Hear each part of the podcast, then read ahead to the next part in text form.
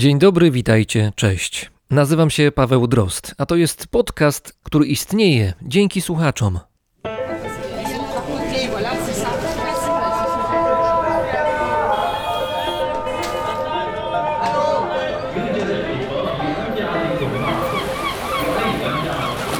Brzmienie świata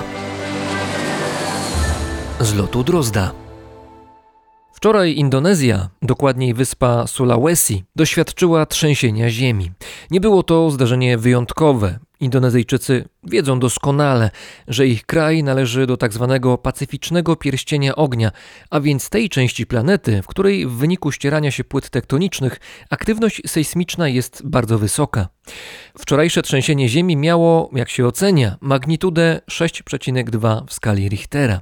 Spowodowało zawalenie się części budynków, w których niestety zginęli ludzie. 6,2 w skali Richtera. Dokładnie 10 lat temu, po drugiej stronie globu, ludzie doświadczyli trzęsień ziemi o znacznie większej sile.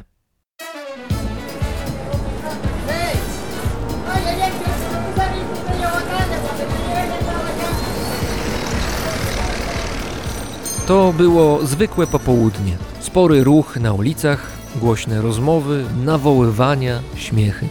W Port-au-Prince życie toczyło się normalnie. Owszem, mieszkającym tu ludziom, którzy tworzyli 2,5 milionową aglomerację, nie przelewało się. W końcu Haiti od lat należy do najbiedniejszych krajów świata, ale jakoś udawało się związać koniec z końcem. Miasto, częściowo rozlane po okolicznych wzgórzach, spoglądało przez zatokę na Morze Karaibskie. Był 12 stycznia 2010 roku. Tym samym czasie we Francji profesor Eric Calais kładł się spać. Nie wiedział, że jego prognoza, którą opublikował dwa lata wcześniej, ziści się za chwilę. Profesor Calais, geolog i geofizyk, od dawna interesował się rejonem Karaibów. Przy pomocy stworzonego przez siebie systemu znaczników badał ruchy płyt tektonicznych. W 2008 roku zebrane dane skłoniły go do konkluzji, że niedługo Haiti doświadczy trzęsienia ziemi, które osiągnie magnitudę 7 w skali Richtera. Nie pomylił się. O godzinie 16.53, niecałe 30 km od stolicy Haiti, ziemia zaczęła się ruszać.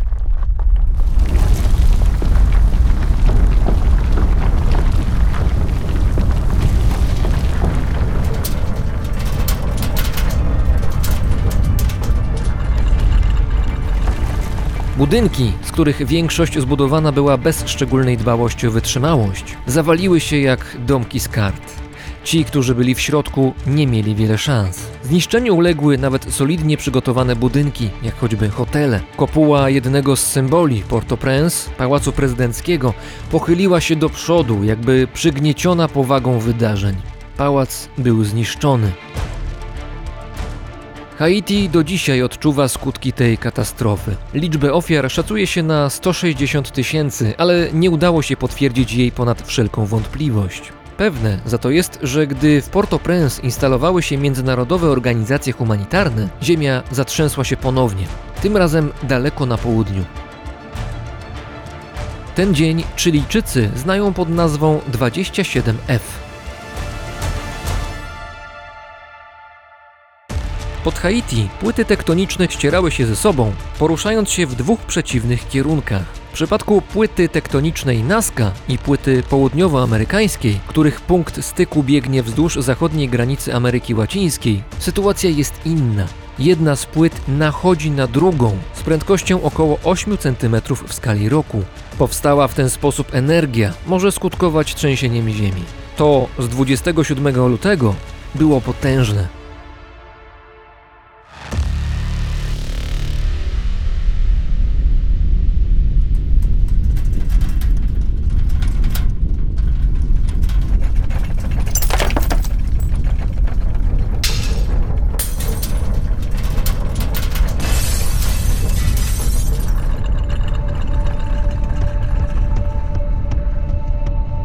Sejsmografy zanotowały magnitudę 8,8 w skali Richtera. Wstrząsy odczuł cały kraj, w tym 200-tysięczne stare miasto Concepcion, które ucierpiało szczególnie. Zniszczenia były katastrofalne. Na morzu powstała fala tsunami, która zniszczyła kilka mniejszych miejscowości oraz wywołała alarm w Japonii i na Wyspach Pacyfiku. Zginęło ponad 500 osób i biorąc pod uwagę siłę trzęsienia ziemi 27F, jednego z najsilniejszych w historii, można uznać, że tylko 500 osób.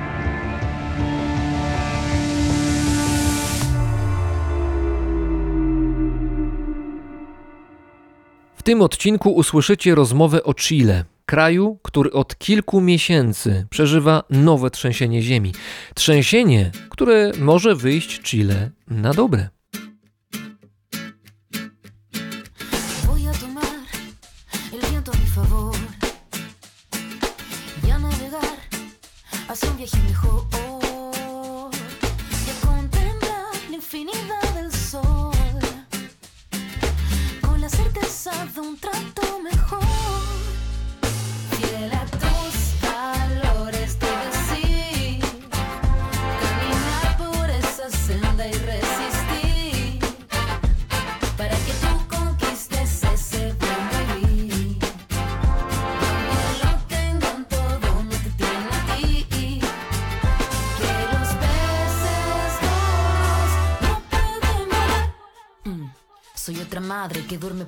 Pero sueña mucho y que aprende más de sus hijos que del mundo adulto cuando grande. Quiero ser un niño, reírme contigo de un modo sencillo.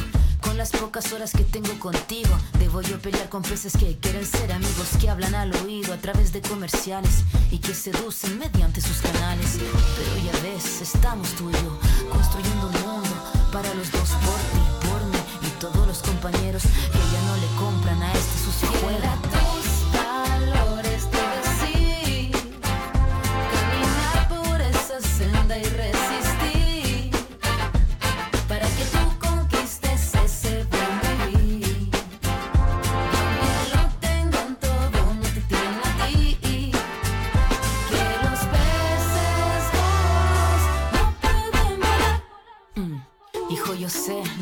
Sentido. Incluso lo que yo diga no suene divertido.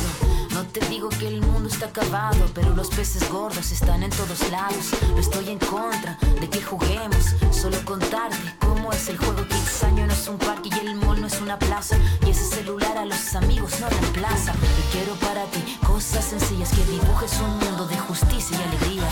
Y yo sé que afuera todo brilla, pero si tú lo miras, verás la mentira.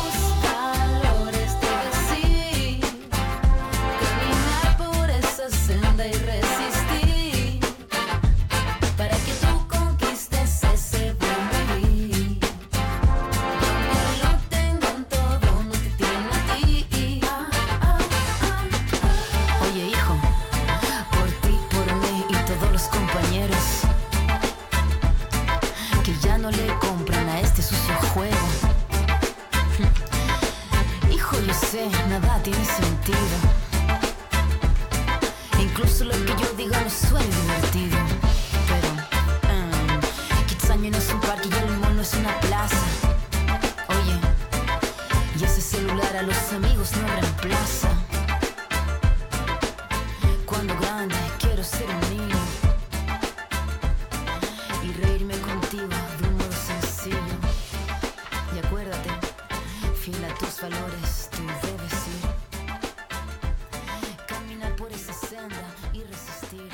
Kto pojedzie teraz do Chile, zauważy, że ten kraj, który jak struna rozciąga się na przestrzeni kilku tysięcy kilometrów na zachodniej flance Ameryki Południowej, wkroczył właśnie na ścieżkę dużych zmian. Ich skala jest trudna do podważenia, ale z drugiej strony wpływ na przyszłość wciąż jest niejasny. Razem z nami jest Magdalena Bartczak, dziennikarka i blogerka, która od kilku lat mieszka w Santiago de Chile i jest również autorką wydanej nie tak dawno książki Chile Południowe Tysiąc Niespokojnych Wysp. Dzień dobry. Dzień dobry, witam serdecznie. Trudno nie zacząć naszej rozmowy od tego, co się działo w październiku zeszłego roku, bo działo się sporo. Chilijczycy wzięli wtedy udział w referendum, które miało powiedzieć tak lub nie dla nowej konstytucji. Odpowiedź była pozytywna. I po ogłoszeniu wyników w Santiago ludzie wyszli na ulicę, cieszyli się, świętowali na zdjęciach czy na materiałach filmowych, które widziałem, to wyglądało to tak, jakby kraj ogarnęła euforia, porównywalna do tego, jakby Brazylijczycy właśnie się dowiedzieli, że ich drużyna narodowa piłkarska zdobyła Mistrzostwo Świata. Skąd tyle emocji w ogóle? Jak to wyglądało? Bo byłaś na miejscu, więc mogłaś w tym uczestniczyć. Były to ogromne emocje. Tak naprawdę była to jakby kumulacja emocji, które już narastały od długiego czasu i miały związek z tym, że zorganizowanie samego tego wydarzenia, samego głosowania było skutkiem protestów, które wybuchły z kolei rok wcześniej, czyli w październiku 2019 roku.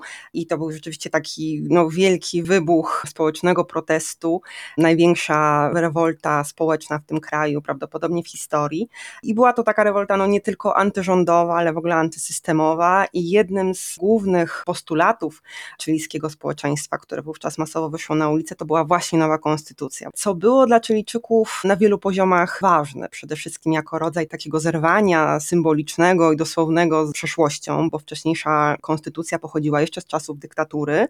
Co prawda została parokrotnie zmieniona w różnych punktach, ale mimo wszystko wciąż była takim symbolicznym spadkiem po czasach rządów Pinocheta, ale też przede wszystkim takim dosłownym sensie, bo rzeczywiście ten model konstytucji, która obowiązywała od 1980 roku, oddawał ducha tamtych czasów, nie uwzględniał w ogóle wielu tematów, na przykład praw kobiet, praw rdzennych ludności, więc to był rzeczywiście jeden z tych punktów, który się najczęściej pojawiał na, na masowych protestach, które wybuchły w październiku, nie poprzedniego chciałam powiedzieć, ale tego 2019 roku. I rzeczywiście ten moment plebiscytu, dodam, no właściwie dla porządku, że ta konstytucja została bardzo mocnym gestem odrzucona przez Chilijczyków, tym dotychczasowym kształcie, bo prawie 79% głosujących wybrało nową ustawę zasadniczą. Ale trzeba też powiedzieć, że nowej konstytucji jeszcze nie ma. To nie jest tak, że stały dwie konstytucje, nowa, ma, nowa tak, i tak. stara na stole i Chilijczycy mogli wybrać. Nie, to chodziło o to, że nie chcemy starej, a nowa dopiero będzie napisana. Jak najbardziej. I ten y, proces dopiero się tak naprawdę zaczyna. Ta radość wiązała się z jakimś odrzuceniem, odrzuceniem tego, co było i z wejściem na tę nową drogę, ale ta nowa droga jest właśnie pełna niewiadomych, bo nową ustawę zasadniczą dopiero napiszą osoby, które aktualnie są w Chile wybierane do tego celu. Wróćmy do tego, jak wyglądały wtedy, to znaczy w październiku, ulice w Santiago. Wyglądały jak fiesta brazylijska, jak wspomniałem. Też trzeba dodać, że zwykle, tak mi się przynajmniej wydaje, Chilijczycy są tacy dosyć powściągliwi, jeżeli chodzi o emocje. Mimo, że to jest Ameryka Południowa, to tutaj wszystko raczej się odbywa spokojnie, tak bez wykrzykników. Tak. To nie jest ta latynoska, gorąca krew, która właśnie we wspomnianej Brazylii mogłaby się pojawić. Tak jak mówisz, to jest oczywiście społeczeństwo, które, no właśnie, no, kraj leżący w Ameryce Łacińskiej, więc jakby gdzieś tam się zawsze odgórnie ocenia, że no trochę w ogóle też patrzymy na, jako Europejczycy, patrzymy na ten kontynent, na ten region, jako na taki monolit, ale rzeczywiście Chilijczycy, jeśli się ich porówna do Kolumbijczyków czy do Brazylijczyków, no mają jednak trochę zimniejszą krew, nie są aż tak bardzo wylewni, tak skłonni w ogóle do fiestowania i do okazywania swoich emocji, ale rzeczywiście ten moment celebracji ówczesnego wydarzenia, które no miałam przyjemność obserwować z bliska, bo gdzieś tak mniej więcej w popołudniowych, późno popołudniowych godzinach wybrałam się do centrum na Plaza Italia, który przez osoby protestujące został przechrzczony na Plaza de la Dignidad, czyli Plac Godności. To było w ogóle takie centrum, serce masowych protestów, które odbywały się w tym kraju, głównie w stolicy. I to był rzeczywiście moment no, niesamowity, takiej ogromnej, ogromnej euforii. Już kiedy podawano te pierwsze no, exit pole, tak mniej więcej godzinie 16-17, było wiadomo, że prowadzi opcja właśnie apruebo, czyli po hiszpańsku to jest aprobuje, czyli akceptuje tak dla tej nowej konstytucji i już wtedy no, masowo ludzie się zaczęli zbierać. Do północy szacuje się, że zebrało się kilkadziesiąt, około 70-60 tysięcy osób świętujących ten moment i rzeczywiście to było niesamowite. Karnawałowy bardzo wieczór i co też ciekawe, no był to też pierwszy od dawna, dawna moment, kiedy na, na tym placu w samym centrum stolicy nie było policji. To był taki niesamowity moment, że właśnie ta impreza trwała. Ja nie, nie byłam, nie zostałam aż tak długo, zostałam parę godzin, żeby też porozmawiać, poobserwować tę sytuację z bliska, ale ponoć do rana. Czy to jest tak, że Chilijczycy wierzą, że jeden dokument, ważny, no ustawa zasadnicza bądź co bądź, jest w stanie zmienić koleje losów ich kraju, że to jest aż tak bardzo istotne? A jeżeli tak, to czego by chcieli, jak widzieliby swój kraj w przyszłości? Wydaje mi się, że teraz zaczyna się żmudna, żmudna praca. Rodzi się, mam wrażenie, duża świadomość tego, że tak naprawdę jeśli się chce osiągnąć właśnie pewne zmiany, o które się jakoś tam symbolicznie walczyło i się wychodziło na ulicę w tych wcześniejszych miesiącach, to po prostu rzeczywiście trzeba się zabrać za robienie tej demokracji, za pracę troszeczkę u podstaw, za zastanawianie się właśnie nad tym, jak ten nowy kraj, jak to nowe Chile, oczywiście trochę w cudzysłowie, bo wiadomo, że pewnych rzeczy się zmienić nie da, ale jak mimo wszystko ten nowy model właśnie konstytucji będzie wyglądać. I rzeczywiście to jest trochę tak, że ta konstytucja, tak jak rozmawiam ze znajomymi Chilijczykami, z, z mniej znajomymi Chilijczycy oceniają to jako trochę takie nowe otwarcie, jako taki no, akt założycielski tej nowej chilijskiej rzeczywistości. Ważnym bardzo tematem jest edukacja, która jest publiczna, to tak czy inaczej jest płatna i ogromna, ogromna część uniwersytetów, ale również szkół średnich jest po prostu w rękach prywatnych i jest dla wielu Chilijczyków kompletnie niedostępna, a nawet jeśli ktoś się decyduje na studia, decyduje się na, na edukację wyższą, to po prostu oznacza to dla takiej rodziny na przykład ogromne zadłużenie. I dokładnie 12 stycznia zakończyły się takie prawybory do Zgromadzenia Konstytucyjnego, czyli do grupy osób, które tę konstytucję napiszą i szacuje się, że mniej więcej w drugiej połowie roku, około lipca, sierpnia ruszą prace nad tą nową konstytucją. Ważnym elementem, to może źle zabrzmi, ale no niech już tak będzie, tych zmian, protestów, nowego otwarcia są kobiety. Ich głos został bardzo wyraźnie zaznaczony podczas tego, co się działo ostatnio w Chile. Tak, i jest to o tyle ciekawe i mam wrażenie, że no oczywiście też współbrzmiące z wydarzeniami, które się dzieją w różnych częściach świata, że walka kobiet o ich prawa rzeczywiście wybrzmiała w bardzo podobnym czasie i w bardzo podobnych sensach i bardzo podobnych gdzieś tam przestrzeniach, co właśnie to domaganie się tych zmian, więc szła troszeczkę ręka w rękę, jedna walka z drugą i rzeczywiście protesty kobiet też no nadawały w dużym stopniu ton wielu protestów protestom. I jednym z największych w ogóle protestów, które odbyły się w tym kraju, miały miejsce 8 marca zeszłego roku. To był jeszcze moment, kiedy o wirusie się słyszało w Chile, ale jeszcze nie było restrykcji, jeszcze nie było obostrzeń, żadnych ograniczeń. One zostały wprowadzone dopiero parę dni później i właśnie 8 marca odbył się ogromny, największy w historii. Szacuje się, że uczestniczyło w nim prawie 2 miliony osób, Marsz Kobiet. Znaczy w samym Santiago to było półtora miliona uczestniczek, uczestników i łącznie w całym Chile to były 2 miliony osób i rzeczywiście to był taki moment, kiedy te protesty społeczne po jakichś takich momentach uciszenia, bo były wcześniej wakacje przypadające w Chile na styczeń, luty, po takim momencie uciszenia znów się zaczęły rozpędzać i w jakimś sensie ten rozpęd zawdzięczały właśnie kobietom. Też szacuje się, że będzie to widoczne w tej nowej konstytucji, którą mają napisać również kobiety, bo zakłada się, że to będzie pierwsza konstytucja w ogóle, która będzie napisana na świecie, która będzie napisana w połowie przez kobiety, 50% kobiet, 50% mężczyzn, czyli jest jakby taki zakładany parytet, więc mówi się o tym, że ten kobiecy głos również wybrzmi. Kobiecy głos to jest jedna sprawa, ale jeszcze drugi głos próbował się przebić do świadomości publicznej. Mam na myśli głos Mapuczów. Wyszli na ulicę po raz kolejny zresztą, krótko przed referendum, gdzieś w okolicach października. Znowu było niezadowolenie, była frustracja, był gniew. Czasami nawet dochodziło do walk na ulicach, to niezbyt ładnie wyglądało. Powiedzmy, kim są Mapucze czy Mapuczowie? No, najkrócej rzecz ujmując, rdzenna ludność Chile. Jest to najliczniejsza rdzenna ludność tego kraju. Szacuje się, że korzenie mapuczańskie ma no, co najmniej półtora miliona Chilijczyków, tak oficjalnie, no ale nieoficjalnie to są prawdopodobnie wyższe jeszcze cyfry. Dodajmy do tego jeszcze skalę, to znaczy 18 milionów ludzi w państwie, więc jeżeli tak. jest półtora miliona ludzi o tak. mapuczańskich korzeniach, to jest naprawdę spora mniejszość. I to półtora miliona to jest liczba dotycząca osób, które się deklarują jako Mapuche, czyli na przykład w różnego rodzaju spisach ludności, jakichś ankietach. I najprawdopodobniej tych osób jest więcej, tylko po prostu nie zawsze każdy się przyzna do tego, że na przykład, nie wiem, ma dziadka Mapucza, czy prawdopodobnie w jego żyłach płynie ta mapuczańska krew, co zresztą wiąże się z takim niepisanym rasizmem, który w Chile nie jest takim dużym problemem być może, czy masz inny wymiar na przykład niż rasizm wobec Afrobrazylijczyków w Brazylii, ale mimo wszystko jest tak, że dużo bardziej uprzywilejowana jest ta grupa mieszkańców, która ma jaśniejszą cerę, która ma europejskie pochodzenie, europejsko brzmiące na przykład z niemiecka albo z francuska nazwisko, więc rzeczywiście jest też troszeczkę tak, że nie każdy, teraz już się to zmienia i teraz mam wrażenie, że w tych ostatnich latach, dekadach wiele osób po prostu przyznaje z ogromną dumą, że są Mapuczami, ale w przeszłości no, bywało bardzo różnie.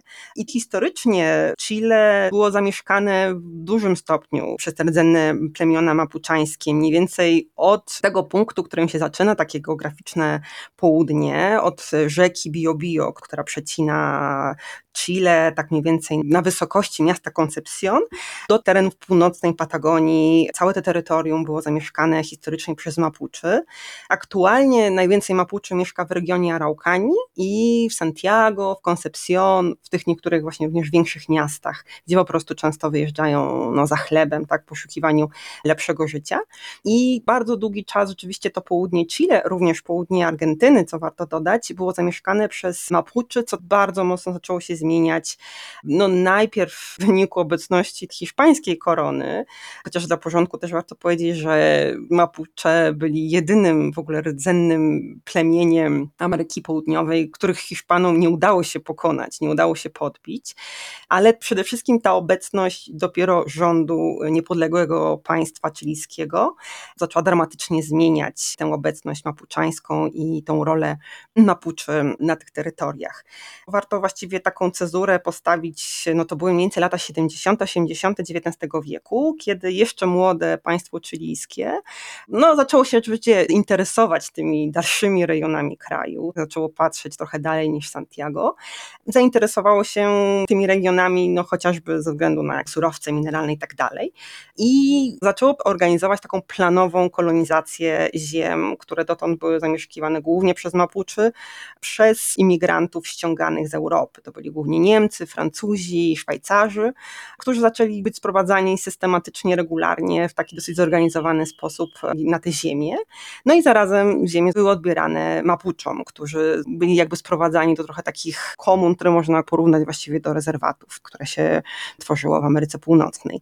I to jest rdzeń konfliktu i to jest główna podstawa tego konfliktu, który do dzisiaj istnieje pomiędzy Mapuczami, pomiędzy chilijskim rządem, chociaż oczywiście przez te lata się wiele zmieniło. Ziemie, które kiedyś należały do tych rodzin, do tych wielu pokoleń od wielu wieków żyjących na tych ziemiach Mapuczy nie zostały nigdy, nigdy oddane. Domyślam się, że to był taki schemat, który znamy z różnych części świata, że przyjeżdża biały człowiek i mówi to jest teraz moje.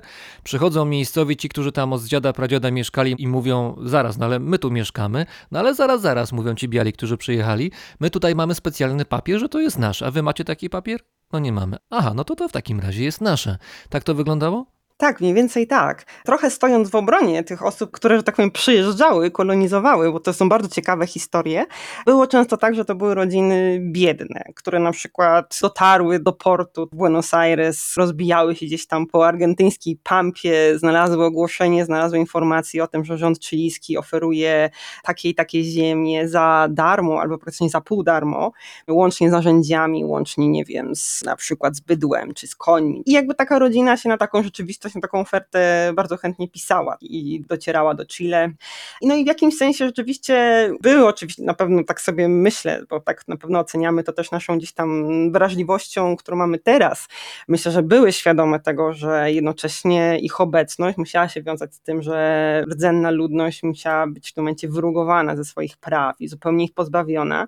Mimo wszystko się pisały na taki układ, ale mam wrażenie, że teraz w całej tej takiej debacie, która dotyczy tego tematu najbardziej najbardziej oskarżane, najbardziej krytykowane, oceniane negatywnie są po prostu działania samego rządu, który w ogóle na taki pomysł, na taką strategię się zdecydował. Podobnie to właśnie wyglądało w Argentynie. No, to jest trochę tak, że te osoby, które no już tam zasiedliły tę Araukanię na przykład pod koniec XIX wieku i żyją tam od pokoleń, czują się też częścią tego regionu. No, nie czują się już wcale gorsi, nie czują się mniej chiliscy czy mniej stamtąd niż ta rdzenna ludność. Jakoś tam też próbują chronić tych praw. No i tak naprawdę aktualnie również rząd chilijski chroni. Wciąż to właśnie rdzenna ludność mapuczańska jest na, na tej przegranej pozycji.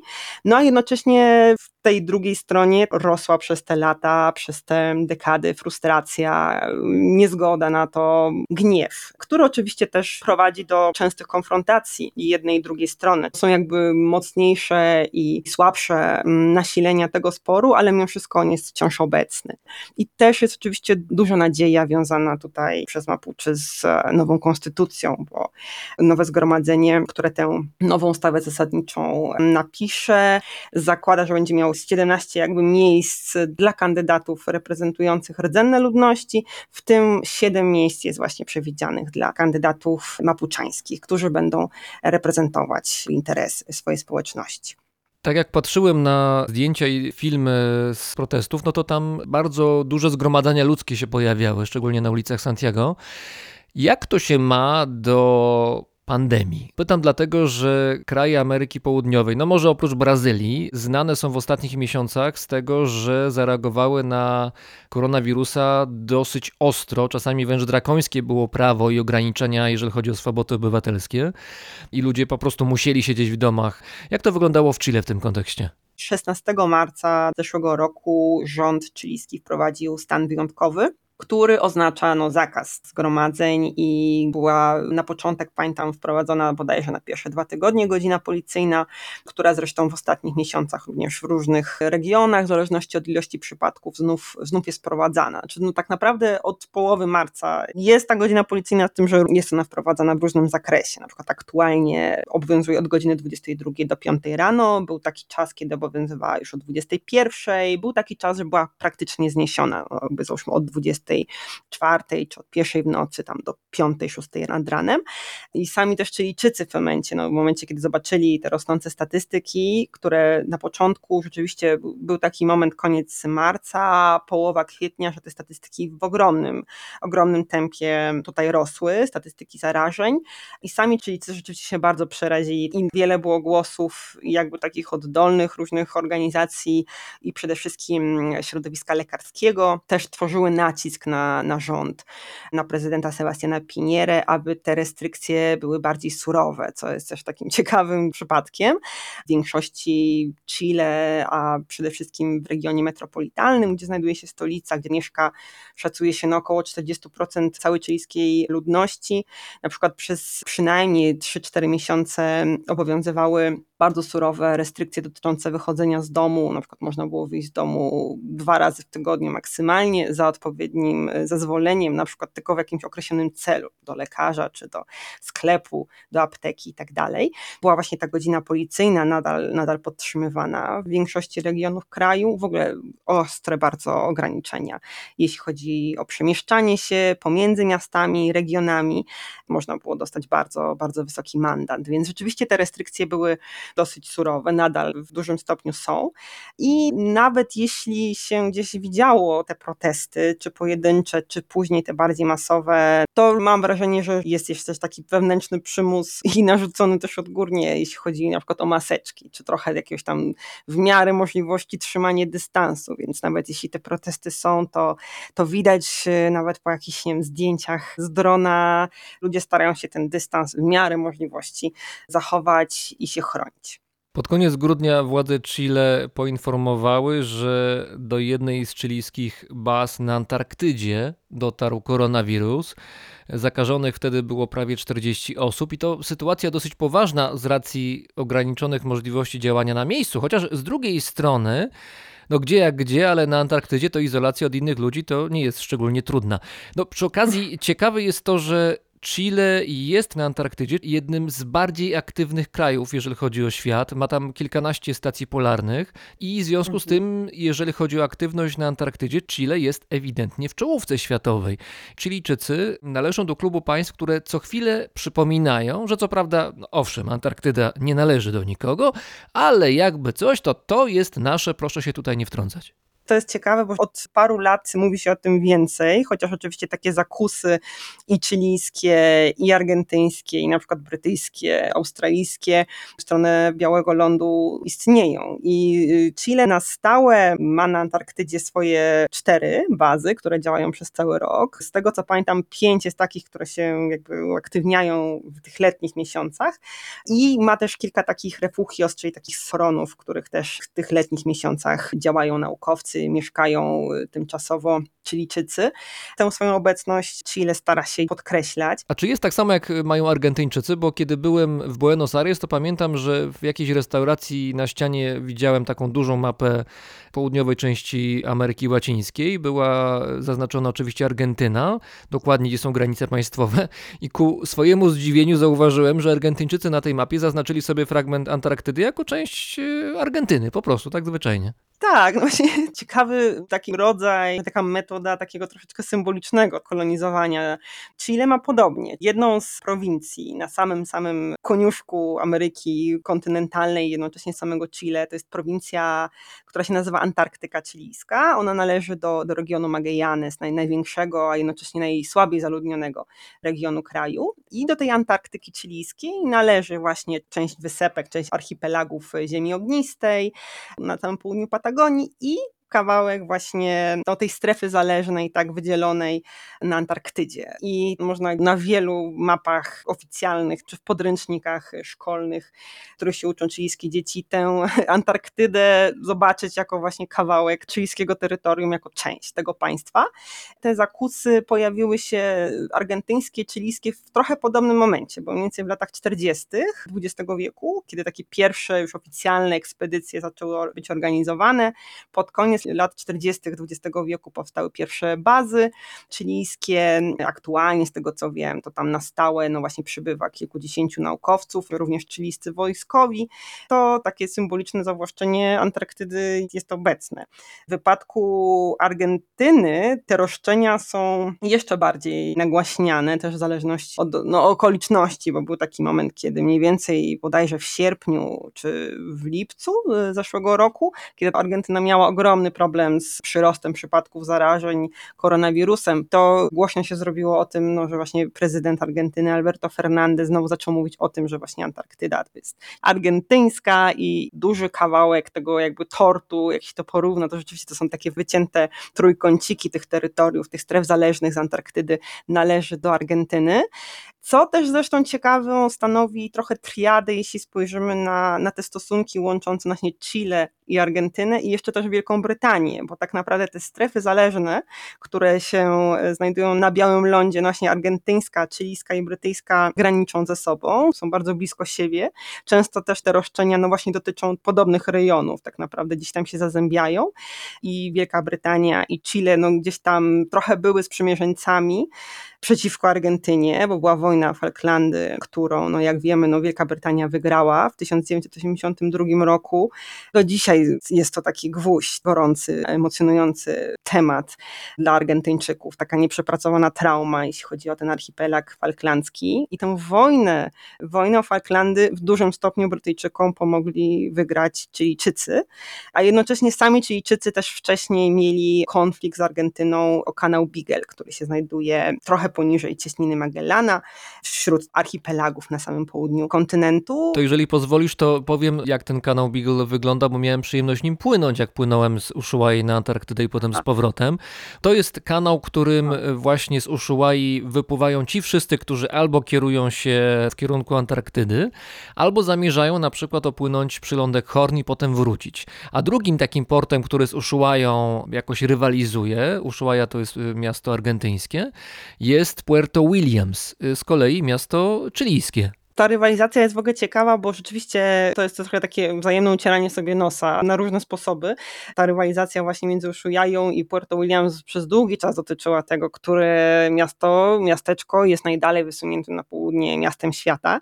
Przez długi czas Ushuaia się reklamowała, no i oczywiście zasłużenie, bo nie jest mała, jest często odwiedzana przez turystów. Reklamowała się jako ta ultima ciudad del mundo, czy la ciudad más austral del mundo, czyli najbardziej wysunięta na południe mieścina na świecie ale Puerto Williams wygrało troszeczkę ten wyścig, bo w zeszłym roku w marcu zyskało prawa miejskie, a zarazem zostało krzyknięte jeszcze bardziej wysunięte na południe miastem świata, bo jest rzeczywiście wysunięte bodajże 70 kilometrów dalej na południe.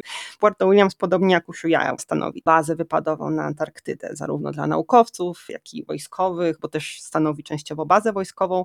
Więc to jest ciekawe, bo rzeczywiście ten koniec świata, symboliczny, no albo dosłowny, no oczywiście w zależności od tego, gdzie, gdzie się mieści, jaką będziemy mieć perspektywę, ale ten koniec świata jest rzeczywiście taką przestrzenią rozmaitych starć i konfliktów.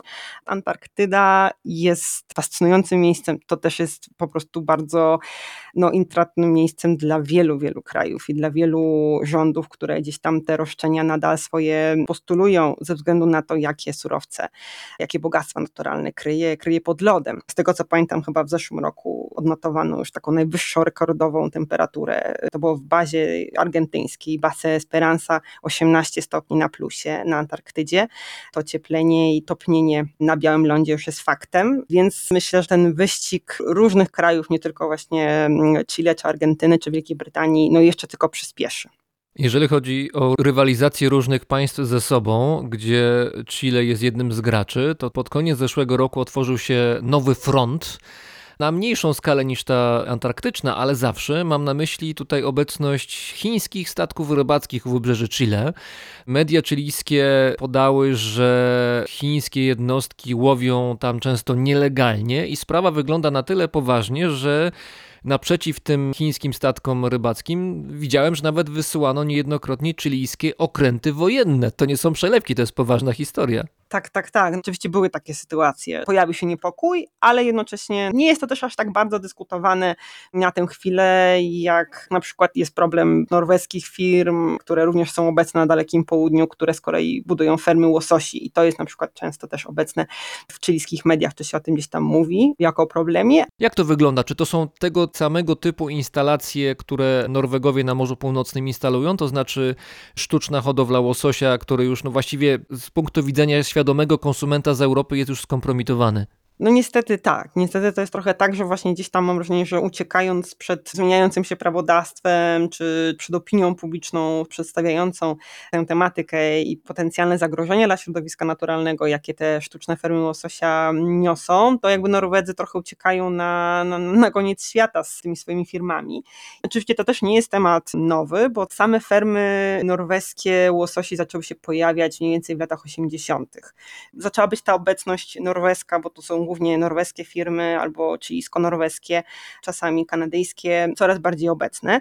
I tak naprawdę zaczęło się o tym mówić kilkanaście lat temu, trochę pod wpływem też tego, co się działo w, w jednym z takich miejsc, gdzie te farmy mm, łososi sztuczne, które są po prostu często dopakowywane jakimiś antybiotykami, jakimiś sztucznymi składnikami, które no bardzo, bardzo negatywnie działają na, na ekosystem i po prostu uniemożliwiają rozwój innym formom życia, no nie wiem, rybom czy owocom owocom morza, zaczęło się gdzieś tam ten jakby destrukcyjny efekt widzieć na wyspie Chiloe, na południu Chile, mniej więcej na wysokości takiego miasta portowego Puerto Montt, gdzie rzeczywiście zarówno sami rybacy protestowali, mówiąc o tym, że są pozbawiani swojej pracy, nie mogą dalej zajmować się tym, czym zajmowali się od pokoleń.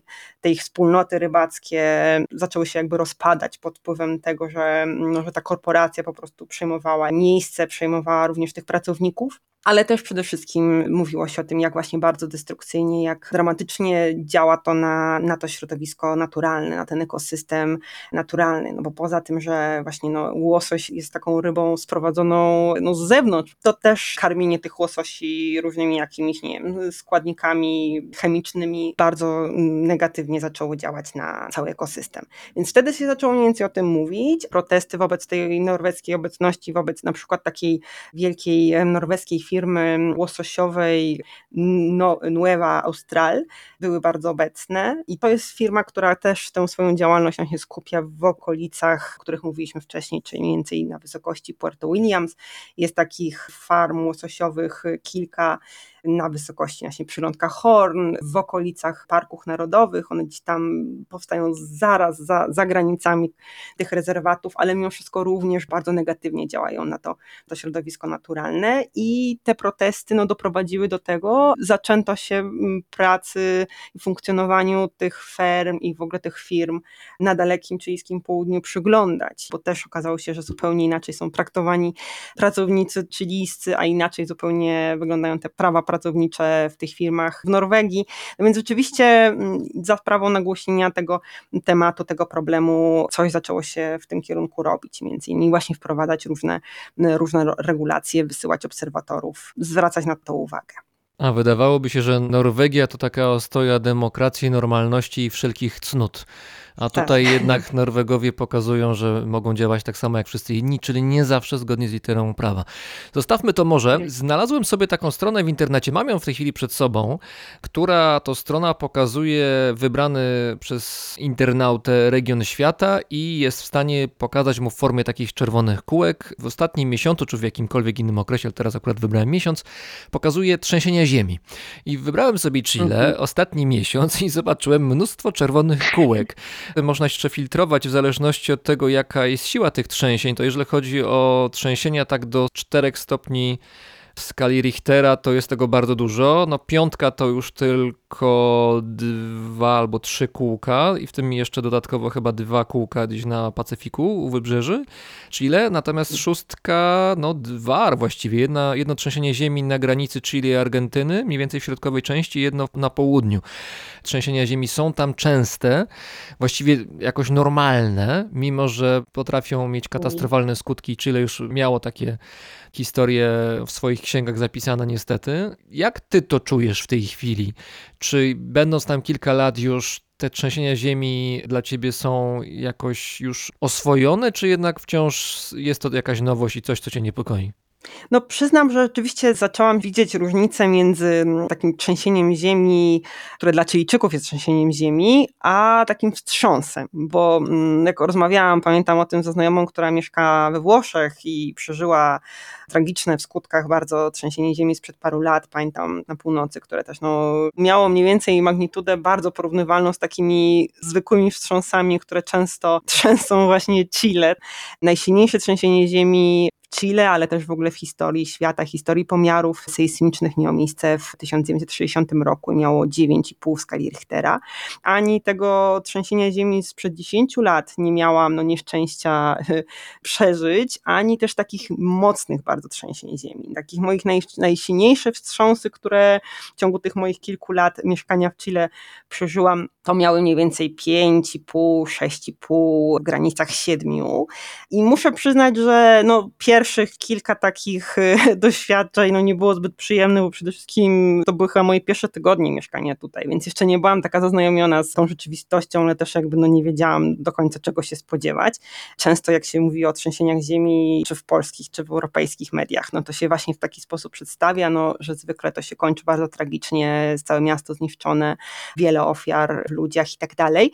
Tutaj mam wrażenie, że Chilijczycy podchodzą do tego z dużo większym dystansem, no bo po prostu właśnie mają to na co dzień. Podobnie jak Japończycy na przykład mają też całe jakby BHP, jeśli chodzi o to, jak się zachowywać w sytuacji trzęsienia ziemi, czego nie robić, co robić, jak na przykład rozpoznać to, czy trzęsienie ziemi może być niebezpieczne, czy jest to po prostu kolejny jakiś wstrząs.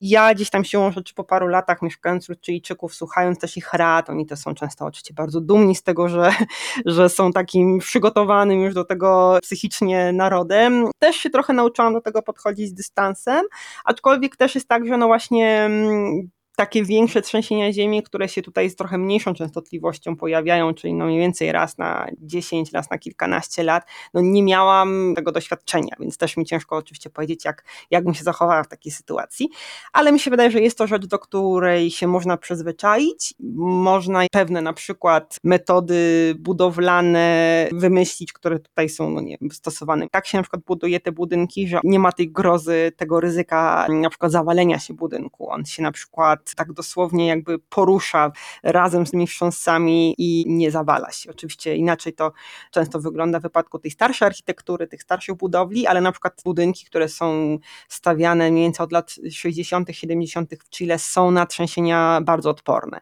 Więc to też sprawia, że sama groza jest dużo, dużo mniejsza, przynajmniej na pewno bardzo zminimalizowana. Tak mi się wydaje, że w naszej rozmowie zatoczyliśmy koło, bo była mowa teraz o trzęsieniach ziemi, a w październiku miało miejsce trzęsienie ziemi w postaci referendum konstytucyjnego i tego, że kraj rzeczywiście się zmienia i podlega społecznemu trzęsieniu ziemi. Jak ci się żyje w Chile z perspektywy tych kilku już lat? No jesteś w stanie zauważyć zarówno zalety, jak i wady.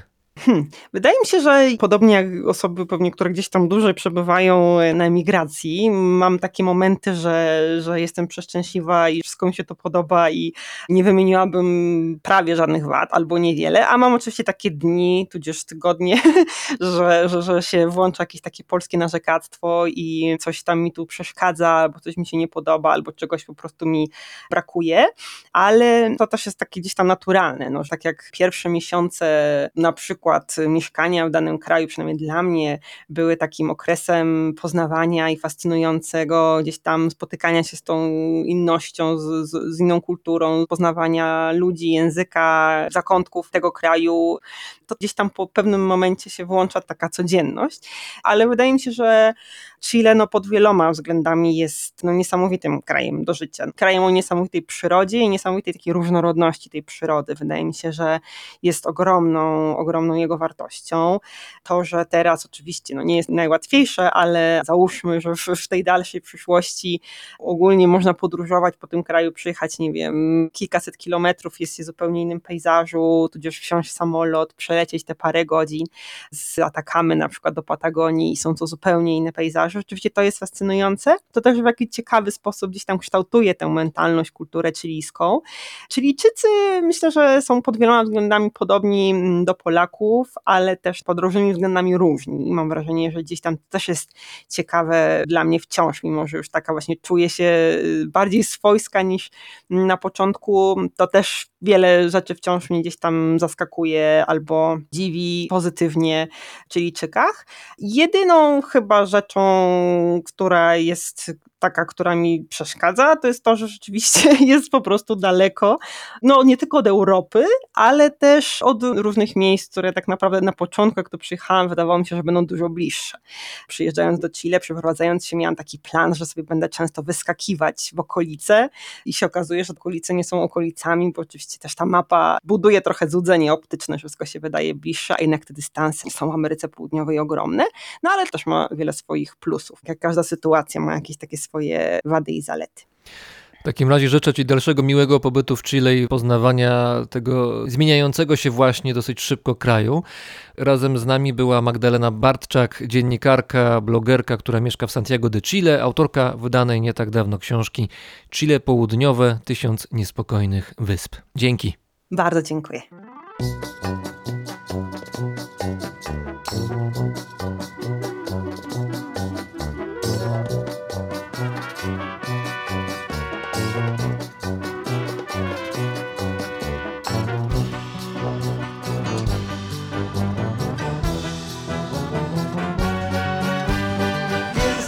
Son asuntos serios. Lo poquito que nos queda si perdemos el respeto, siento y a veces me avergüenzo por todos los que les falta los que no lo conocieron. Miento si digo soy perfecto, los senderos que conducen a mí adentro. Llevo para darte lo que para mí deseo, el beneficio de la duda, las maneras, los recreos, la sonrisa mañanera, los perdona, los te quiero, las miradas transparentes, los abrazos, los pañuelos. Veo, aunque no quiera lo veo Mala leche gratuita, veo veo desprecio, poco arte en las maneras y en la forma. Veo la cosa si es más débil y eso es lo que más me colma. Llevo para darte lo que para mí deseo, el beneficio de la duda, las maneras, los recreos, la sonrisa mañanera, los perdona, los te quiero, las miradas transparentes, los abrazos, los pañuelos.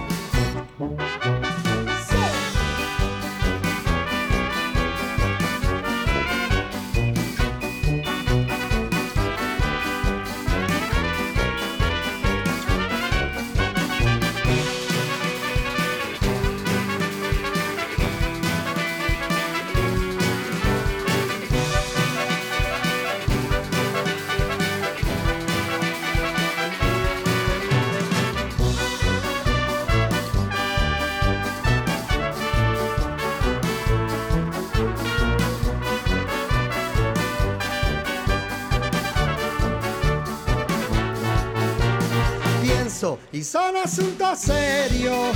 Lo poquito que nos queda si perdemos el respeto, siento y a veces me avergüenzo por todos los que le falta a los que no lo conocieron. Miento si digo soy perfecto, los senderos que conducen a mí adentro. Debo para darte lo que para mí deseo, el beneficio de la duda, las maneras, los recreos, la sonrisa mañanera, los perdona, los te quiero, las miradas transparentes, los abrazos, los pañuelos.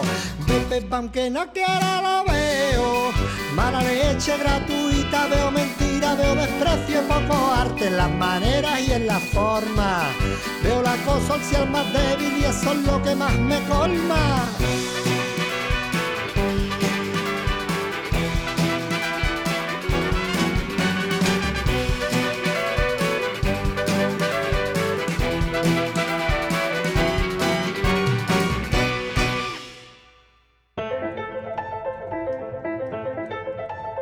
Słuchaliście 38 odcinka Brzmienia Świata z lotu Drozda. Brzmienie Świata istnieje dzięki pomocy słuchaczy, którzy wspierają mnie na Patronite.